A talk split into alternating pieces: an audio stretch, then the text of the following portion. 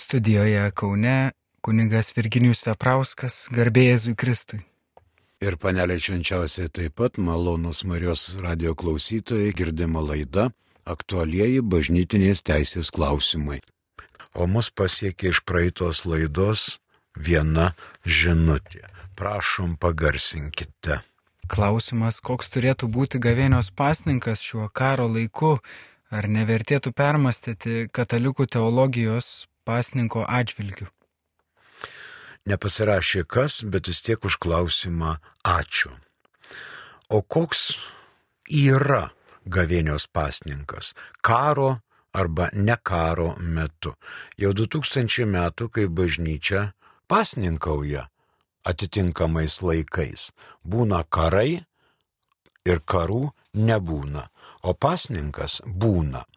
Dabar ką reiškia, ar nevertėtų permastyti katalikų teologijos pasninko atžvilgiu?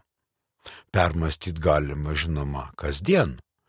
Tik tai iš e, klausėjo mes nejaučiame, ar norėtų klausiantysis, kad būtų sugriežtintas pasninkas ar sušvelnintas pasninkas šituo karo metu.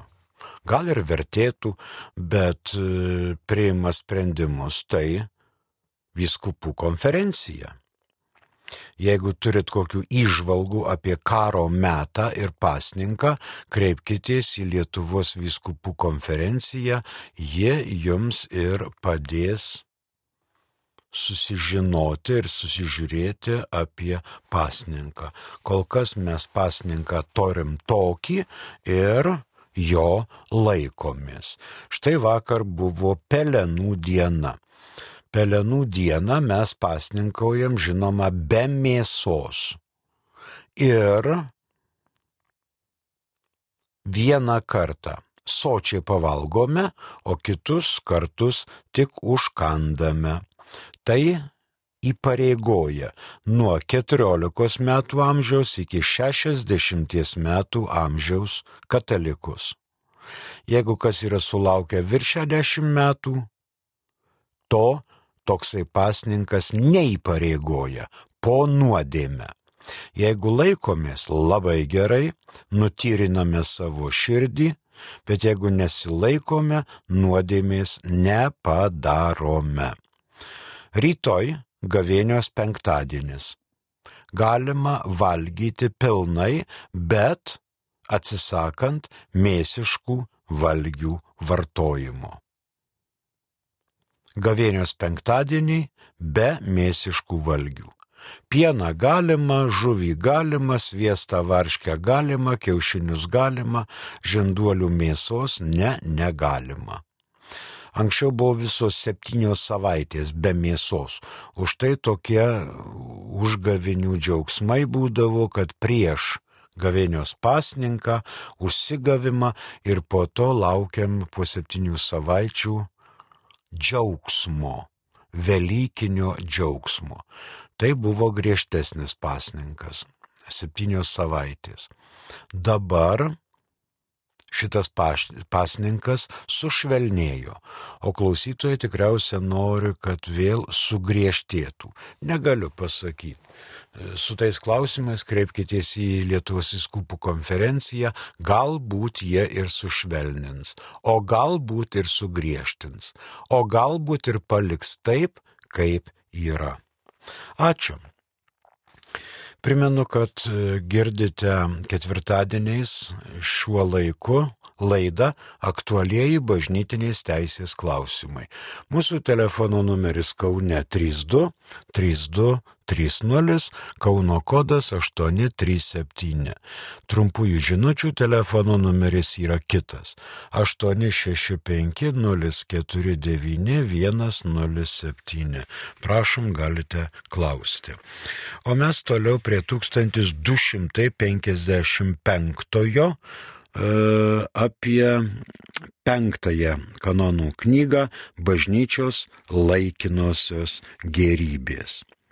Visuotinė bažnyčia yra paštalų sostas, dalinės bažnyčios ir bet koks kitas, tiek viešasis, tiek privatus juridinis asmuo yra subjektai pajėgus įgyti, turėti, valdyti, administruoti ir perleisti laikinasis gerybės pagal teisės normą.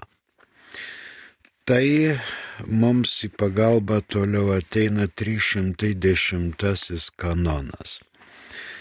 Apie viešą privačią asociaciją ir apie privačią asociaciją. Privati asociacija, kuri nebuvo įsteigta kaip juridinis asmuo, kaip tokia negali būti pareigų ir teisių subjektas.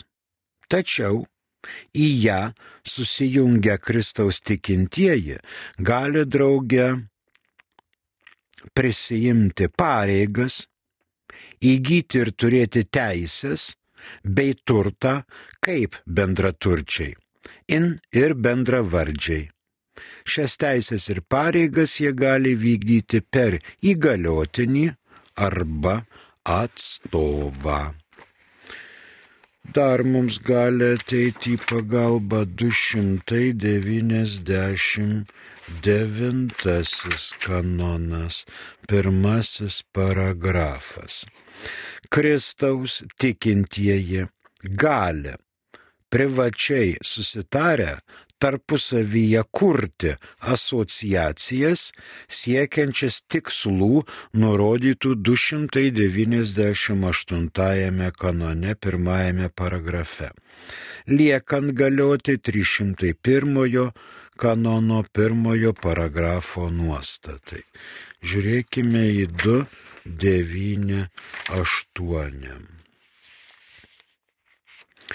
Pirmas Bažnyčioje yra asociacijų, besiskiriančių nuo pašvesto gyvenimo institutų bei apaštališkojo gyvenimo draugijų, kuriuose Kristaus tikintieji tiek dvasininkai, tiek pasauliečiai arba dvasininkai kartu su pasauliečiais bendra valia siekia puoselėti tobulesnį gyvenimą, skatinti viešąjį kultą arba krikščioniškąją doktriną.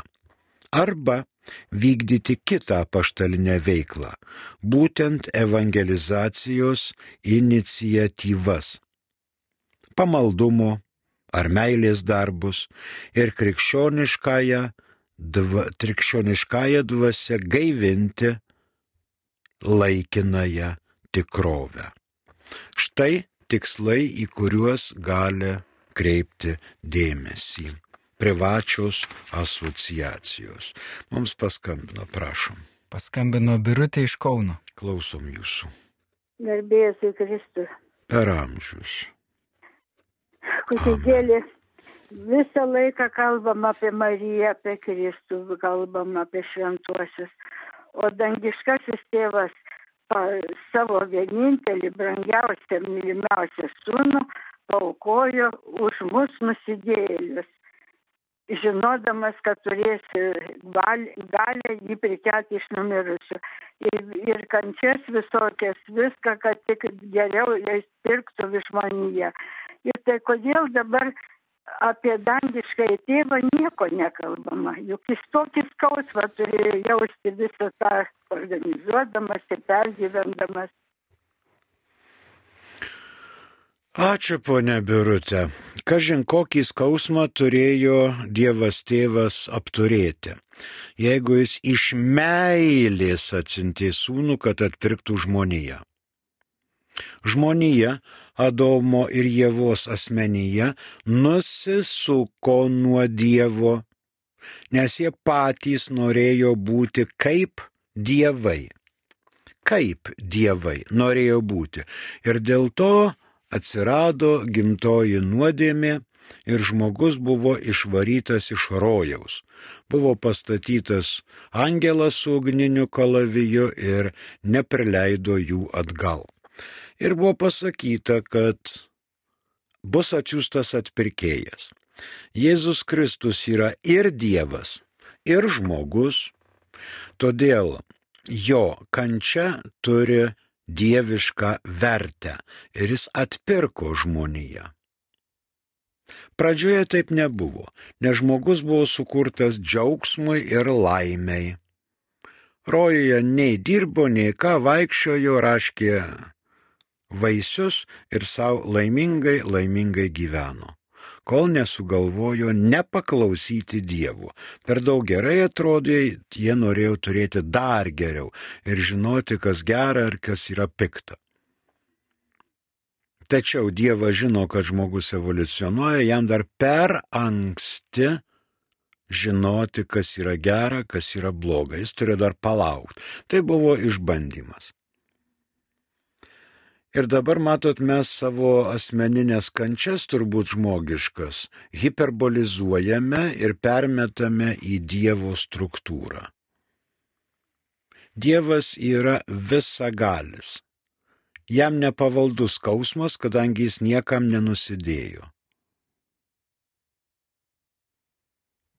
Dievui tėvui skausmas yra nepavaldus. Žmogui pavaldus. Ačiū, ponė Birutė.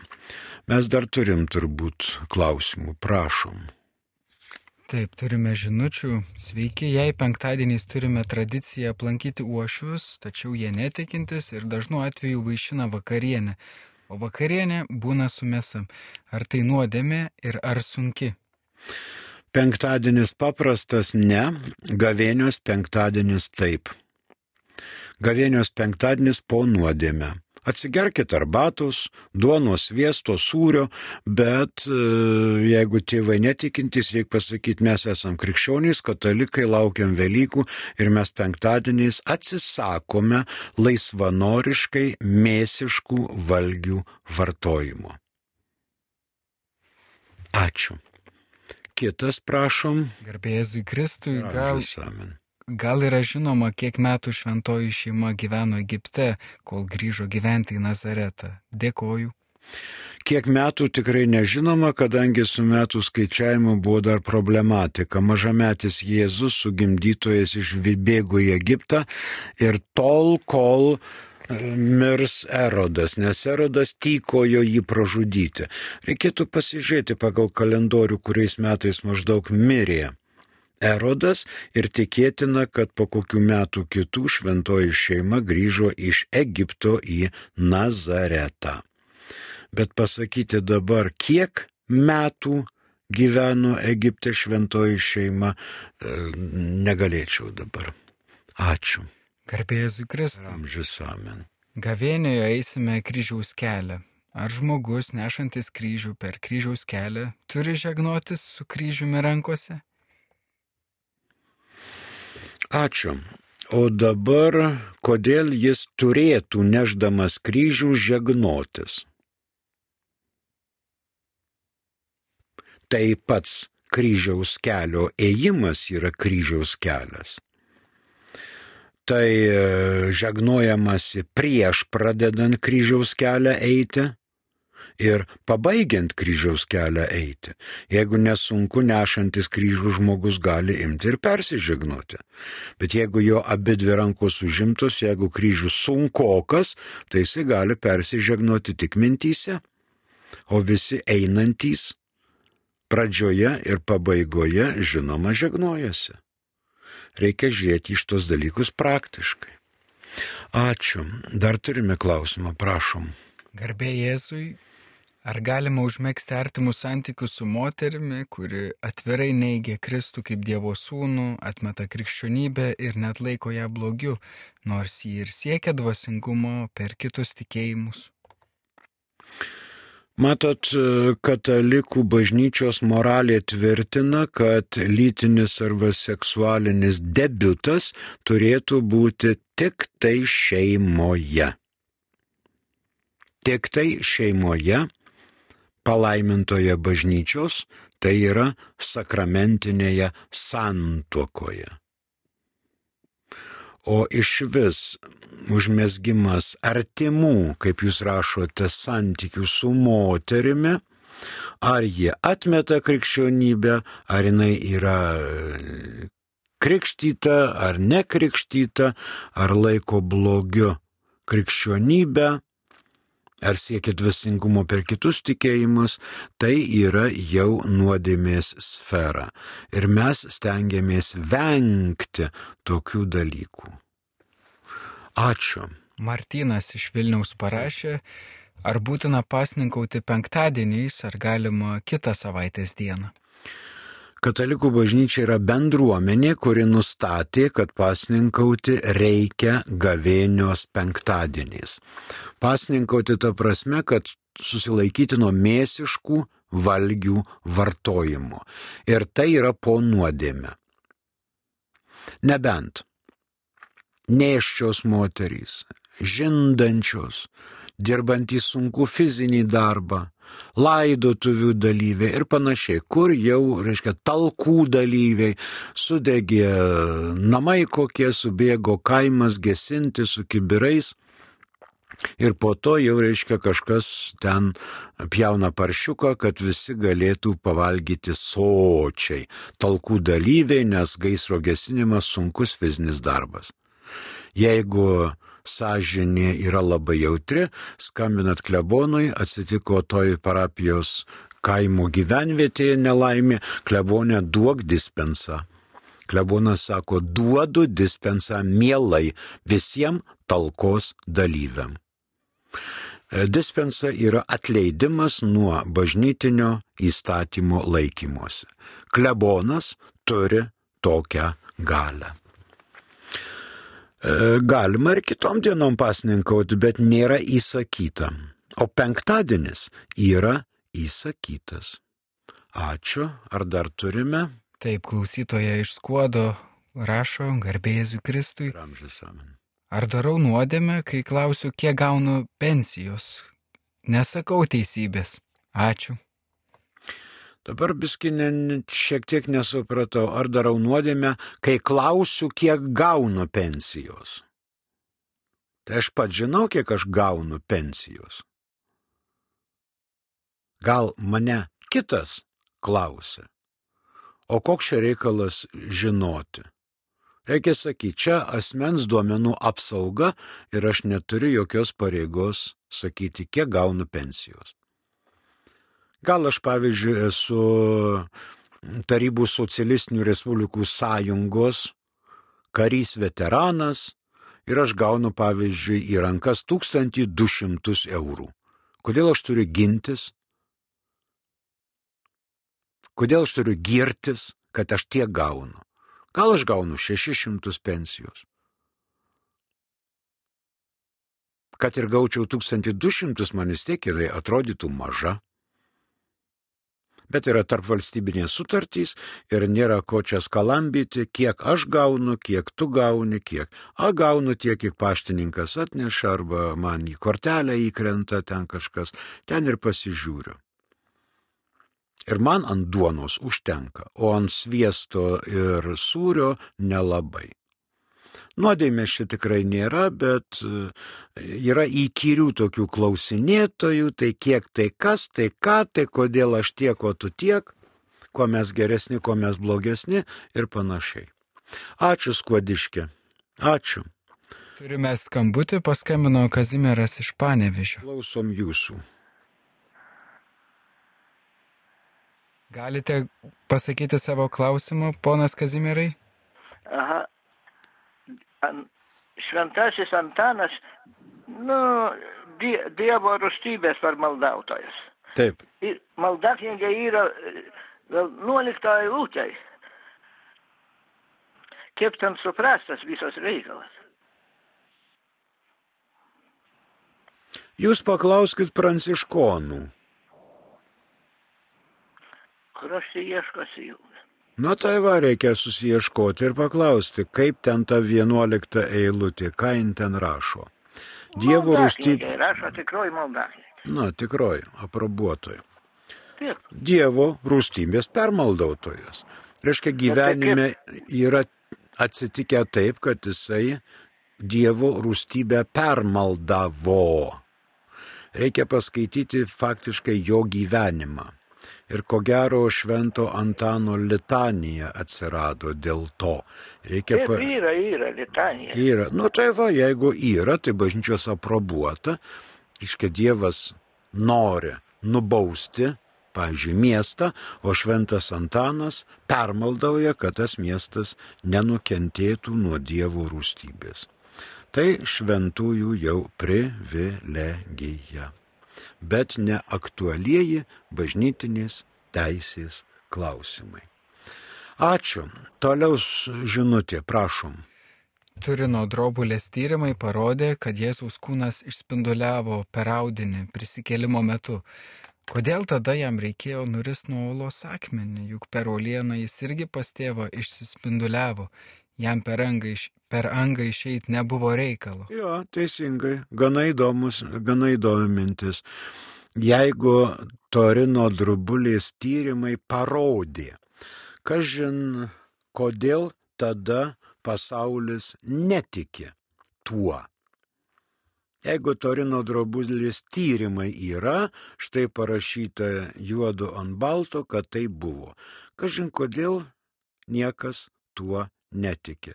Tai įdomesnis klausimas negu kad ten nuritintas akmuo. O kaip apaštalai būtų įėję į vidų pamatę numestas drobulės. Kokie 32 žemės drebėjimai šventojoje žemėje vyksta kasdien. Mikroskopiniai. Gal ten irgi sujudėjo žemė ir akmuo nusirideno. Gal. O gal išspinduliavo Jėzus, gal ir neišspinduliavo. Įvairiai galėjo būti. Čia yra Kristaus prisikėlimas iš numirusių, nėra istorinis faktas. Kristaus iš numirusių prisikėlimas yra religinis faktas. Jeigu istorinis faktas būtų, tai mes visi rodytumėm popierius, nufilmuotą medžiagą arba liudininkus ir sakytume, kodėl jūs netikit, jeigu Jėzus prisikėlė iš numirusių. Bet tai nėra istorinis faktas. Ačiū. Prašom kitas klausimas. Danielius parašė, ar galima per gavėnios penktadienį valgyti sojos mėsą, augalinės kilmės. Augalinės galime, žinduolių mėsos ne, Danieliu. Ačiū. Kitas. Garbėsiu Kristui. Ar yra skirtumas tarp žodžio pažino vartojimo pradžios knygoje ketvirtam skyriuje pirmoje eilutėje? Adomas pažino Jėvą, pradžios knygos ketvirtos skyrius 17 eilutės Kainas pažino žmoną ir Jono Evangelijos 17 skyriaus 3 eilutės amžinas gyvenimas pažinti Dievą. Ačiū. Prašau. Dabar dar neparašyt, kad Abraomas pažino Sarą ir jam gimė Izaokas. Šventas raštas buvo rašomas ne Lietuvoj, ne lietuvių kalba ir ne lietuviams. Tai buvo skurdi piemenų kalba. Ir teisingai Adomas pažino Jėvą. Kainas pažino žmoną. Abelis turbūt irgi pažino žmoną. O amžinas gyvenimas tai yra mylėti Dievą, jį pažinti.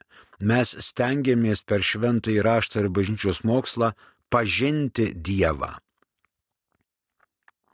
Kad Dievas yra tik į daugybė ir turbūt nebe pagrindo ir mes turim žinoti, koks jisai Dievas yra.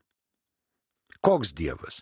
Vieną Dievą pristato mums musulmonai, kitą judėjai, trečią krikščionys, ketvirtą laocistai, daocistai ir panašiai. O mūsų pareiga pažinti Dievą pagal jo mokslą. Ačiū. Dar turime. Taip, Danielius parašė dar vieną žinutę. Ką daryti, jei prieš mane vyksta nesažiningas tyrimas, esu nelaisvėje Ir nei malda, nei advokatai negali nieko padėti. Jiem neleidžia pasisakyti per teismą, mano laiškai ignoruojami, pažeidžiamos mano teisės. Kaip iškovoti teisingumą? Ar galiu kažkaip kreiptis į bažnyčią pagalbos? Ačiū, Danieliau. Žinoma, kad galite kreiptis į bažnyčią. Pirmiausia, į kalėjimo kapelioną. Dabar jūs esat nelaisvėje. Kodėl malda jums turėtų padėti, jūs man pasakykit. Ar maldos tikslas yra jums padėti? O advokatą reikėtų pasiimti gerą, ne šiaip pirmą pasitaikius. Jūs rašot advokatai, tai gal yra keli advokatai. Ir kodėl jie nieko negali padėti? Jie yra teisininkai pašaukti jums padėti. Ir e, kaip gali teisėjas neleisti advokatui pasisakyti teismo metu? Laiškai gali būti ignoruojami, nes e, nėra prasmės jų pridėti prie medžiagos, jeigu neturi jie esminio, esminės reikšmės proceso eigai. Bet teismas vykdomas proceso būdu. Yra teisėjas, yra prokuroras, yra advokatas.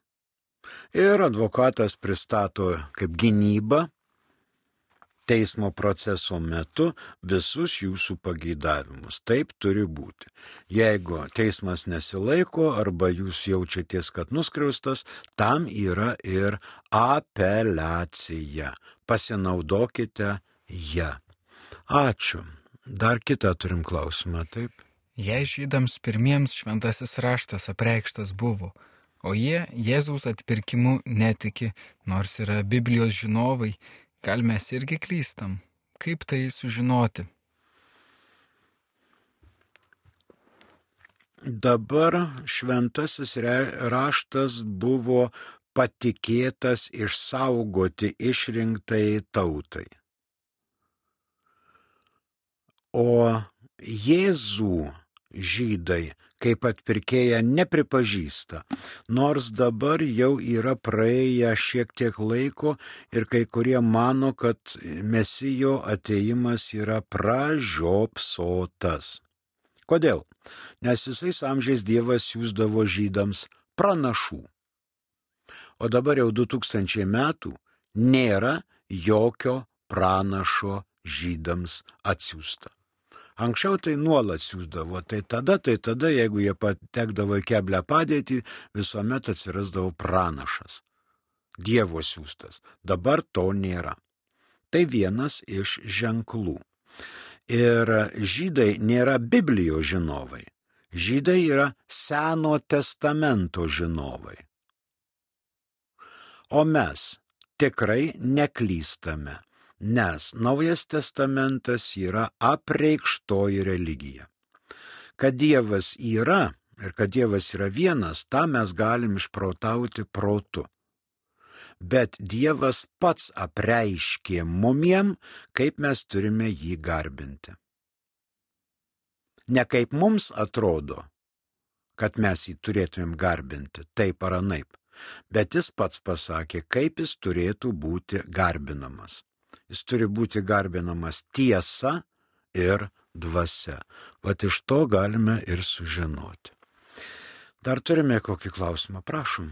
Taip, kodėl žmogus Jėzus meldėsi tik į Dievą tėvą, o į kitus do, du to pačio Dievo asmenis, Dievą Kristų ir Dievo šventąją dvasę, niekada nesimeldė?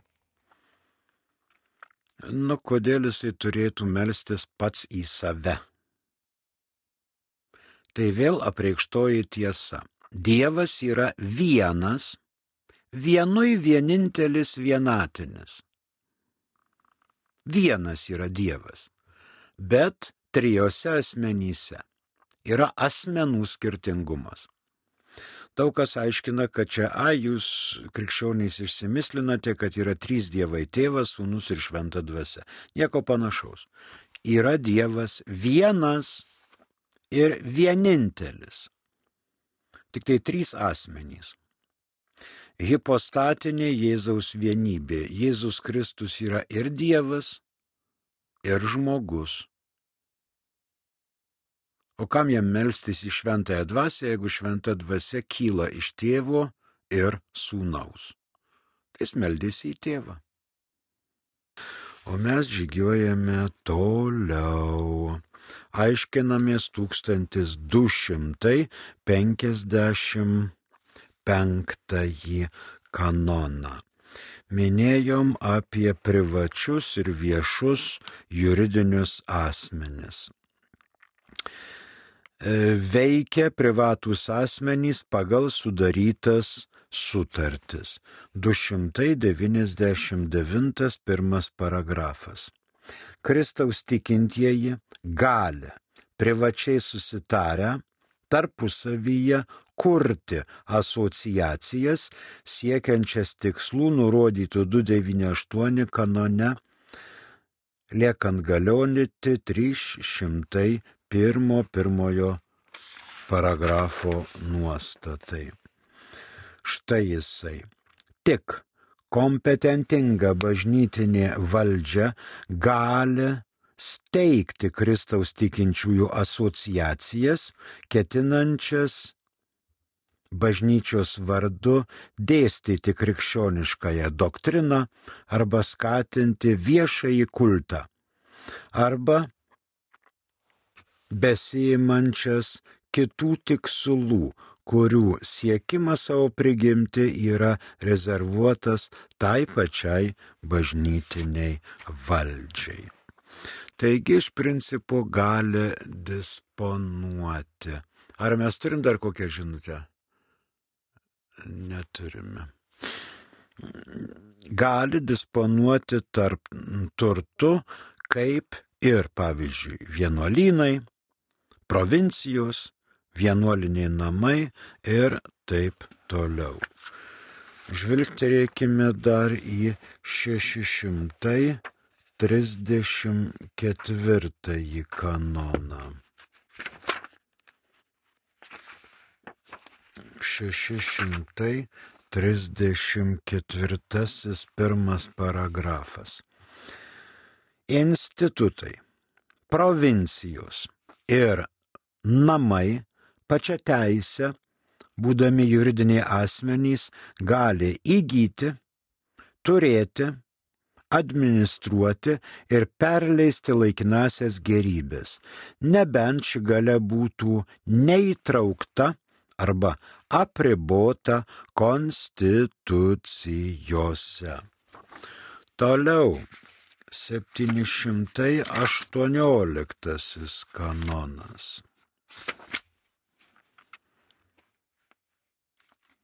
Instituto gėrybių administravimas, kuris privalo išreikšti ir skatinti evangelinį neturtą, tvarkomas pagal penktos knygos bažnyčios laikinosios gerybės normas bei savoją instituto teisę.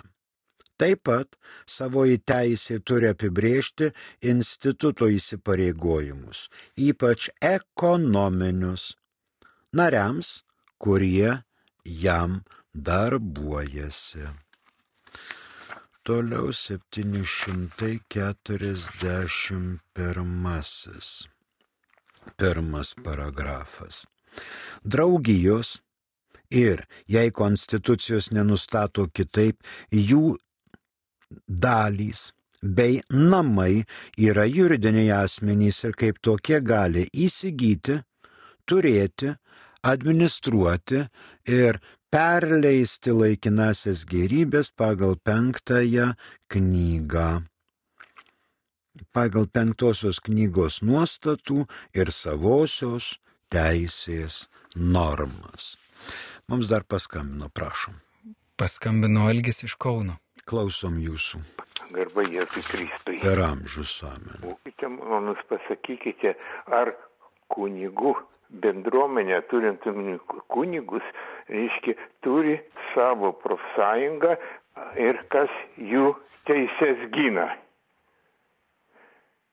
Ačiū. turiu pasakyti į jūsų pirmą klausimų dalį, kad kunigų bendruomenė savų profsąjungų neturi. O gina 220 kanonas ir vyskupas, nes vyskupas pagal šventą raštą yra angelas. Ir jeigu kunigas jaučiasi skriaudžiamas, jis kreipiasi į angelą savo ir šis angelas, gerbiamas Algi, jam padeda.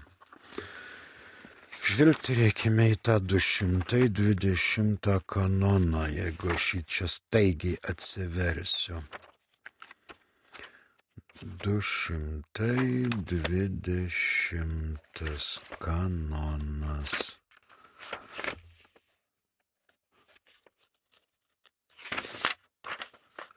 niekam neleidžiama neteisėtai pakenkti gerai asmens reputacijai ar pažeisti bet kurio asmens teisę išsaugoti savo privatumą. Tai va, visos teisės žmogaus sutelpa būtent čia nais. Dar mes turime kažką? Taip, dar vienas klausytojas Prašom. parašė, kunigų pasakyta, kas bus išganyta žemėje, tas bus išganytas dangui, bet sako, kad niekas nežino, ką Dievas išganys. Kaip ten yra iš tikrųjų? Vat iš tikrųjų taip ir yra, niekas nežino, ką Dievas išganys. Nes toks pasakymas, kas, kas išganytas bus žemėje, tas ir danguje, tai man čia atrodo jau jokingumo ribos peržengtos. Jeigu mes nežinom, kas bus išganytas danguje, tai kaip mes galim tvirtinti, kad būsim išganyti čia žemėje. Niekas negali pasakyti žemėje, kad aš esu išganytas. Čia yra jau kažkas tokio. Prašom, gal toliau. Turim ką nors. Taip, visą Bibliją išnagrinėjau, bet jokių užuominų apie skaistyklą neradau. Protestantai ir ortodoksai sako, kad tai katalikų išmislas. Labai prašyčiau nurodyti eilutes apie skaistyklą. Gal praleidau? Žinoma, kad praleidote ugnies ežerą. Įsiveskit tokią savoką ugnies ežeras. Ugnies ežeras. Tai yra nuskaistinanti ugnis. O protestantai gali sakyti, kas tik jiems šauna į galvą.